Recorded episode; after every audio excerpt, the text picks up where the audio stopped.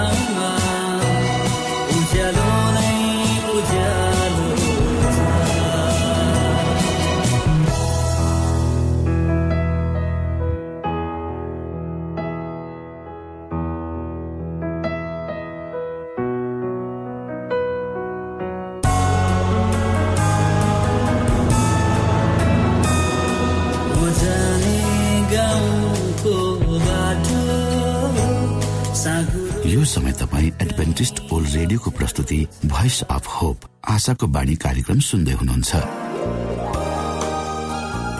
तपाईँ आशाको बाणी कार्यक्रम सुन्दै हुनुहुन्छ। हामी आशा गर्दछौँ कि तपाईँले हाम्रा कार्यक्रमहरू सुनेर आनन्द लिनुभएको छ।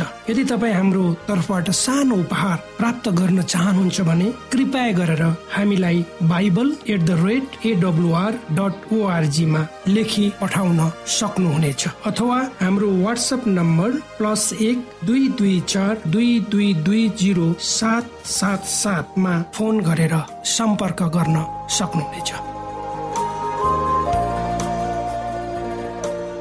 श्रोता मित्र यो समय हामी पास्टर उमेश पोखरेलबाट आजको बाइबल सन्देश सुन्नेछौ।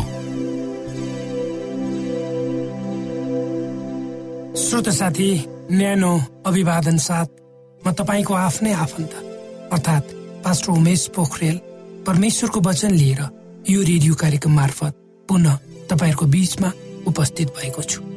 श्रोता आउनुहोस् तपाईँ हामी केही समय परमेश्वर सँगसँगै बिताउँ। मलाई आशा छ तपाईँले हाम्रा कार्यक्रमहरू नियमित रूपमा सुन्दै हुनुहुन्छ र परमेश्वरको आशिषहरू प्राप्त गर्दै हुनुहुन्छ। परमेश्वर को हुनुहुँदो रहेछ भनेर आफ्नै जीवनमा तपाईँले अनुभूति गर्दै हुनुहुन्छ। आजको प्रस्तुतिलाई पस गर्नुभन्दा पहिले आउनुहोस् म परमेश्वरमा अगुवाईको लागि बिन्ती राख्नेछु। जीवित जिउँदो महान दयालु परमेश्वर प्रभु हामी धन्यवादी छौँ यो जीवन र यो जीवनमा दिनुभएका प्रशस्त आशिषहरूको लागि प्रभु यो रेडियो कार्यक्रमलाई म तपाईँको चरणमा राख्दछु।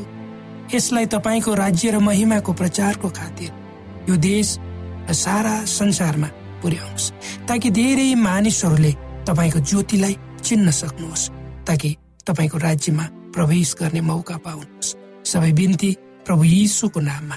आमेन।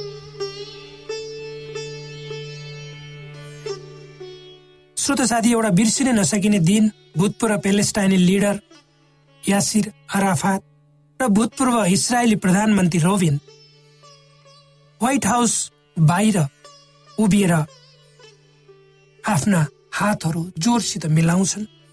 उनीहरूले ऐतिहासिक शान्ति सम्झौतामा हस्ताक्षर गर्छन् र सारा संसारलाई एउटा नयाँ आशा दिन सफल भएको कुरा व्यक्त गर्छन्। र त्यति बेला सबैले विश्वास गरे कि अब मध्य पूर्वमा हिंसा अशान्तिको अन्त्य भएर शान्ति स्थापना हुनेछ। एउटा नयाँ आयामको सुरुवात हुनेछ। अराफत र रोबिन्स समर्थित मानिसहरू शताब्दीदेखि एकअर्का बीच भूमिका लागि लडिरहेका थिए। अझै पनि त्यही विवाद कायमै छ। तर उक्त अवसरमा दुई नेताले ऐतिहासिक निर्णय गरे र व्हाइट हाउसमा आयोजित विशेष समारोहमा क्षणिक स्वार्थबाट आफू उठेको र शान्तिको लागि प्रतिबद्ध भएको घोषणा पनि दुवैले गरे। अराफतले ठुलो आशा एवं उत्साहका साथ भने आज एउटा लामो पुरानो अध्यायको अन्त्य भएको छ भने नयाँ अध्यायको सुरुवात भएको छ र अबदेखि दुःख कष्टबाट हाम्रा जनताहरूले शास्ति खेप्नु पर्ने छैन र म वास्तवमा साँचो शान्ति मेरो जनहरूलाई दिन चाहन्छु। त्यसै गरी भूतपूर्व इसरायली प्रधानमन्त्री रोबिनले रोबिन भन्छन् हामी जो त्यो भूमिबाट आएका हौ जहाँ आमा बाबुले जहाँ हाम्रा आफ्ना आमा बाबुले आफ्ना सन्तानहरूलाई गाड्दथे। हामी पेलेस्टाइनीहरूले तपाईँहरूको विरुद्धमा लडाईँ गर्यौँ आज हामी भन्छौँ सफा र उच्च आवाजमा रगतको खोला र आँसु धेरै बगे। अब पुग्यो योभन्दा बेसी अगाडि बढ्नु हुँदैन दुःख कष्टले सीमा नाग्यो। एक अर्का बीचको घृणाले पनि पराकष्ट नाग्यो।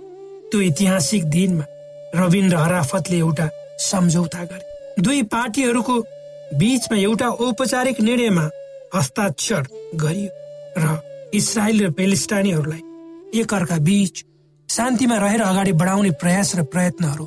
त्यो केही मिनट केही घन्टा वा दिन किन नहोस् शान्तिले ती दुई भूमिमा आफ्नो अस्तित्व देखायो। र यरुसलेमले लामो सङ्घर्षको बीच केही समय शान्तिको अनुभूति गर्न सक्यो। पवित्र धर्मशास्त्र बाइबलमा पनि सम्झौताको बारेमा भनिएको छ। जुन सम्झौता परमेश्वर र उहाँका जनहरू बीचमा भएको छ भएको छ त्यस्तो सम्झौताले परमेश्वरको मानव जातिलाई पापबाट बचाउने त्यस्तो सम्झौतामा परमेश्वरको मानव जातिलाई पापबाट बचाउने कुराहरू उल्लेख गरिएको हुन्छ जुन कुरा उहाँले आफ्नो खातिर गर्नुहुन्छ। र हामीले त्यसको निम्ति के गर्नुपर्छ त्यो कुरामा उहाँले हामीबाट आशा राख्नुहुन्छ। अर्थात् हामीलाई पापको बन्धन दुःख कष्ट र पीडाबाट निकाल्न परमेश्वर चाहनुहुन्छ। र हामीले पनि त्यसको निम्ति के के गर्नुपर्छ? उक्त कुरा त्यहाँ उल्लेख गरिएका हुन्छ सम्झौता एक पक्षीय हुँदैन त्यो दुई पक्षीय दुवैको लागि मान्य हुनुपर्छ र त्यसको पालनामा दुवै पक्षको उत्तिकै जिम्मेवारी हुन्छ। यसै सन्दर्भमा परमेश्वर भन्नुहुन्छ जुन बेला बादलमा इन्द्रेणी देखा पर्छ म त्यो हेरेर यो सधैँको करारलाई सम्झन्छु। जो परमेश्वर र पृथ्वीका सबै जीवित जीवातसँग बाँधिएको छ। जहिले जहिले म पृथ्वीमा बादल फिजाउँछु र बादलमा इन्द्रेणी देखा पर्छ। मेरो र तिमीहरू अनि हरेक किसिमको जीवित प्राणीको बीचमा रहेको मेरो करार म सम्झनेछु। पानीले फेरि कहिले सबै प्राणीलाई नाश गर्ने प्रलय ल्याउने छैन। हो श्रोत साथी परमेश्वरले संसारलाई जल प्रलयद्वारा नष्ट गर।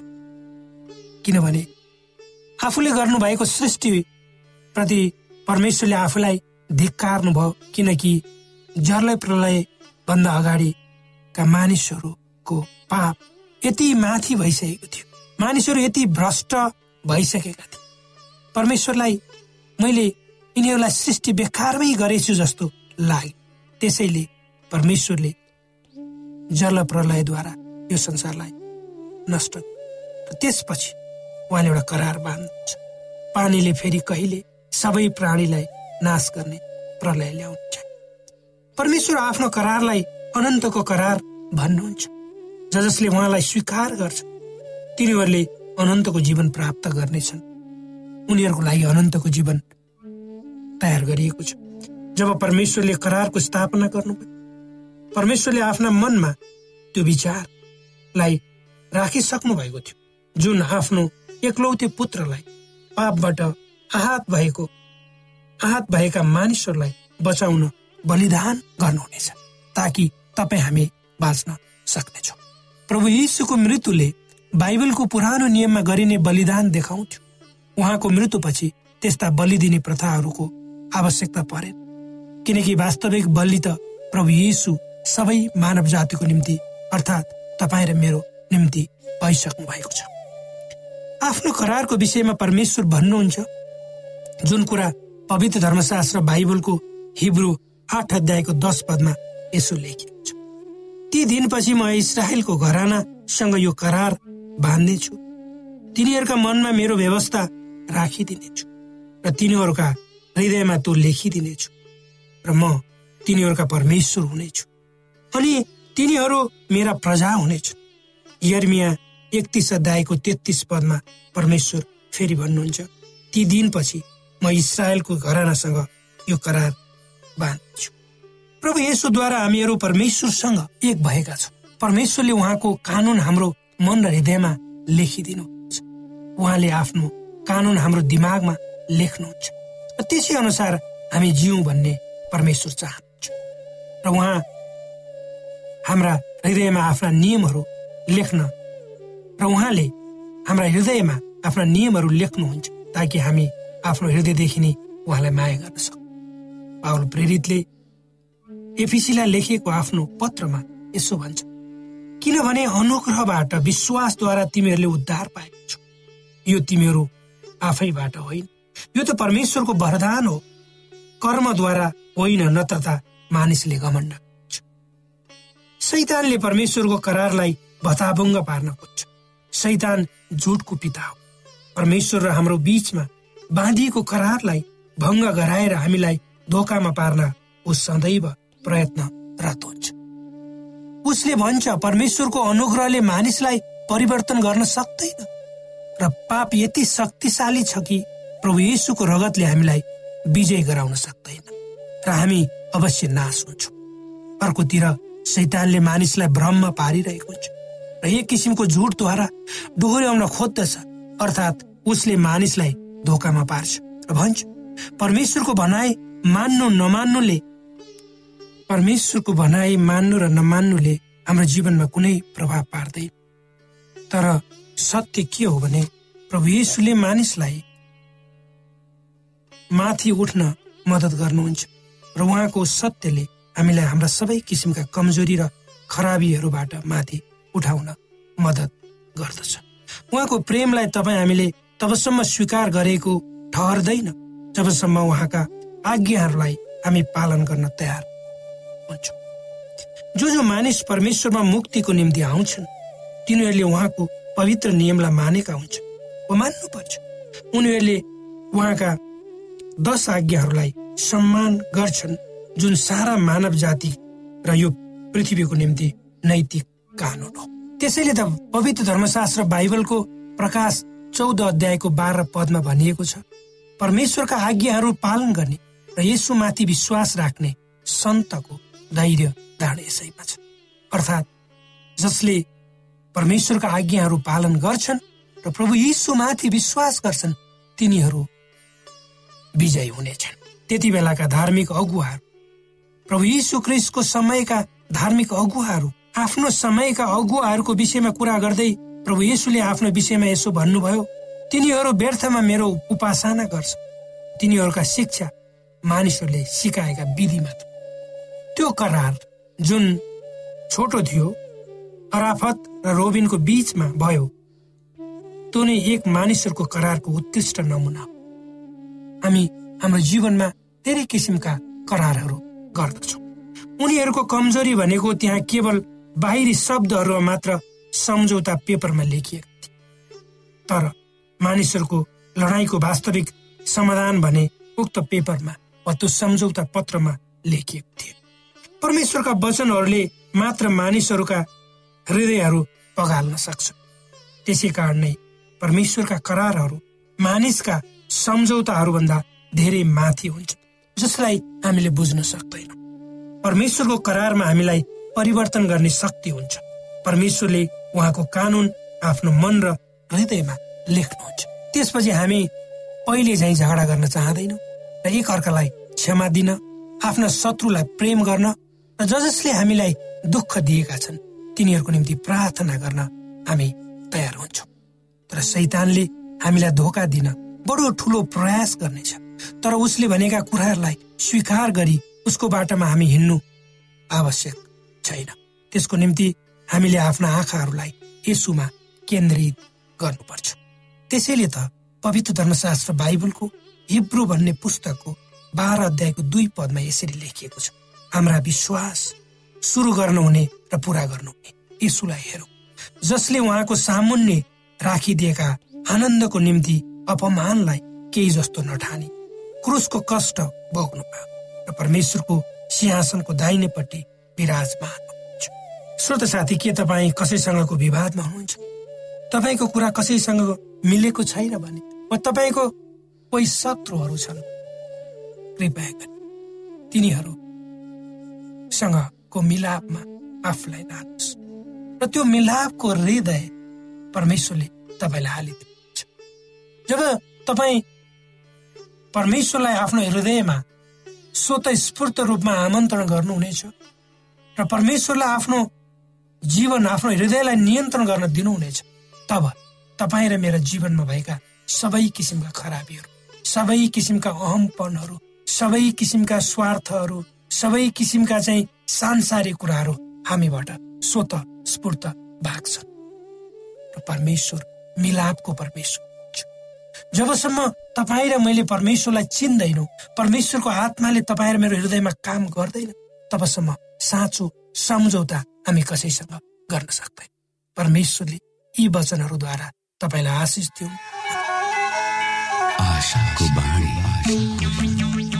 श्रोता भर्खरै यहाँले पास्टर उमेश पोखरेलबाट बाइबल वचन सुन्नुभयो। यो समय तपाईँ एडभेन्टिस्ट ओल्ड रेडियोको प्रस्तुति भोइस अफ होप आशाको बाणी कार्यक्रम सुन्दै हुनुहुन्छ। कार्यक्रम सुनेर बस्नुहुने सबै श्रोतालाई हामी हाम्रो कार्यक्रममा स्वागत गर्न चाहन्छौ।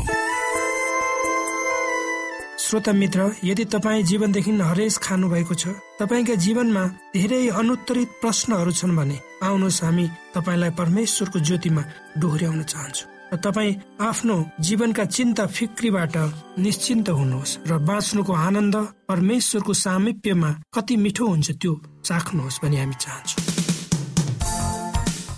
श्रोता यदि तपाईँ आशाको बाणी कार्यक्रमलाई अनलाइन सुन्न चाहनुहुन्छ वा डाउनलोड गर्न चाहनुहुन्छ भने डब्लु डट डट ओआरजीमा जानुहोस्। त्यहाँ तपाईँले प्रत्येक दिनको कार्यक्रम सुन्न र डाउनलोड गर्न सक्नुहुनेछ। हाम्रो वेब पेज यस प्रकार छ W W W dot dot ORG श्रोता यदि तपाईँ हामीसित सिधै फोनमा सम्पर्क गर्न चाहनुहुन्छ भने हाम्रा नम्बरहरू यस प्रकार छन्। अन्ठानब्बे एकसाठी पचपन्न शून्य एक सय बिस अन्ठानब्बे एकसाठी पचपन्न शून्य एक सय बिस र अर्को अन्ठानब्बे अठार त्रिपन्न पन्चानब्बे पचपन्न. अन्ठानब्बे अठार त्रिपन्न पन्चानब्बे पचपन्न।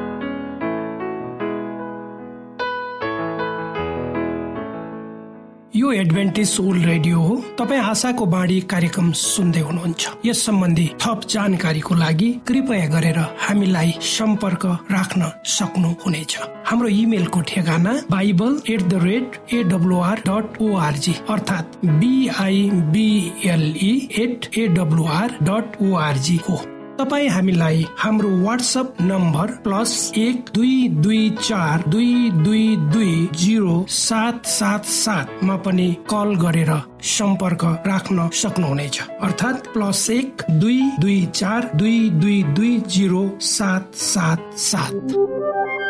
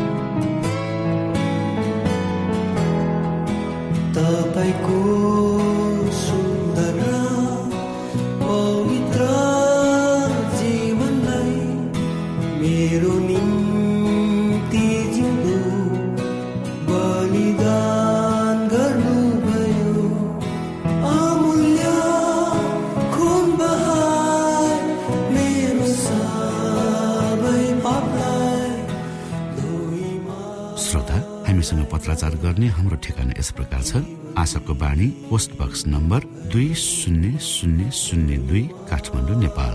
श्रोता यदि तपाईँ हाम्रो स्टुडियोको नम्बरमा सम्पर्क गर्न चाहनुहुन्छ भने हाम्रा नम्बरहरू यस प्रकार छन्। अन्ठानब्बे एकसाठी पचपन्न शून्य एक सय बिस। अन्ठानब्बे एकसाठी पचपन्न शून्य एक सय बिस। र अर्को अन्ठानब्बे अठार त्रिपन्न पन्चानब्बे पचपन्न। अन्ठानब्बे अठार त्रिपन्न पन्चानब्बे पचपन्न। हाम्रो इमेल एड्रेस यस प्रकार छ Nepal at AWR dot ORG यदि तपाईँ हामीलाई अनलाइन सुन्न चाहनुहुन्छ वा डाउनलोड गर्न चाहनुहुन्छ भने तपाईँ W W W dot AWR dot ओआरजीमा जानुहोस् र त्यहाँ तपाईँले हाम्रो सबै कार्यक्रमहरू सुन्न सक्नुहुनेछ। हवस् त श्रोता भोलि फेरि यही स्टेशन र यही समयमा यहाँसँग भेट्ने आशा राख्दै प्राविधिक साथी राजेश आडा पास्टर उमेश पोखरेल र कार्यक्रम प्रस्तुता म रवि। यहाँसँग विदा माग्दछौ। नमस्कार।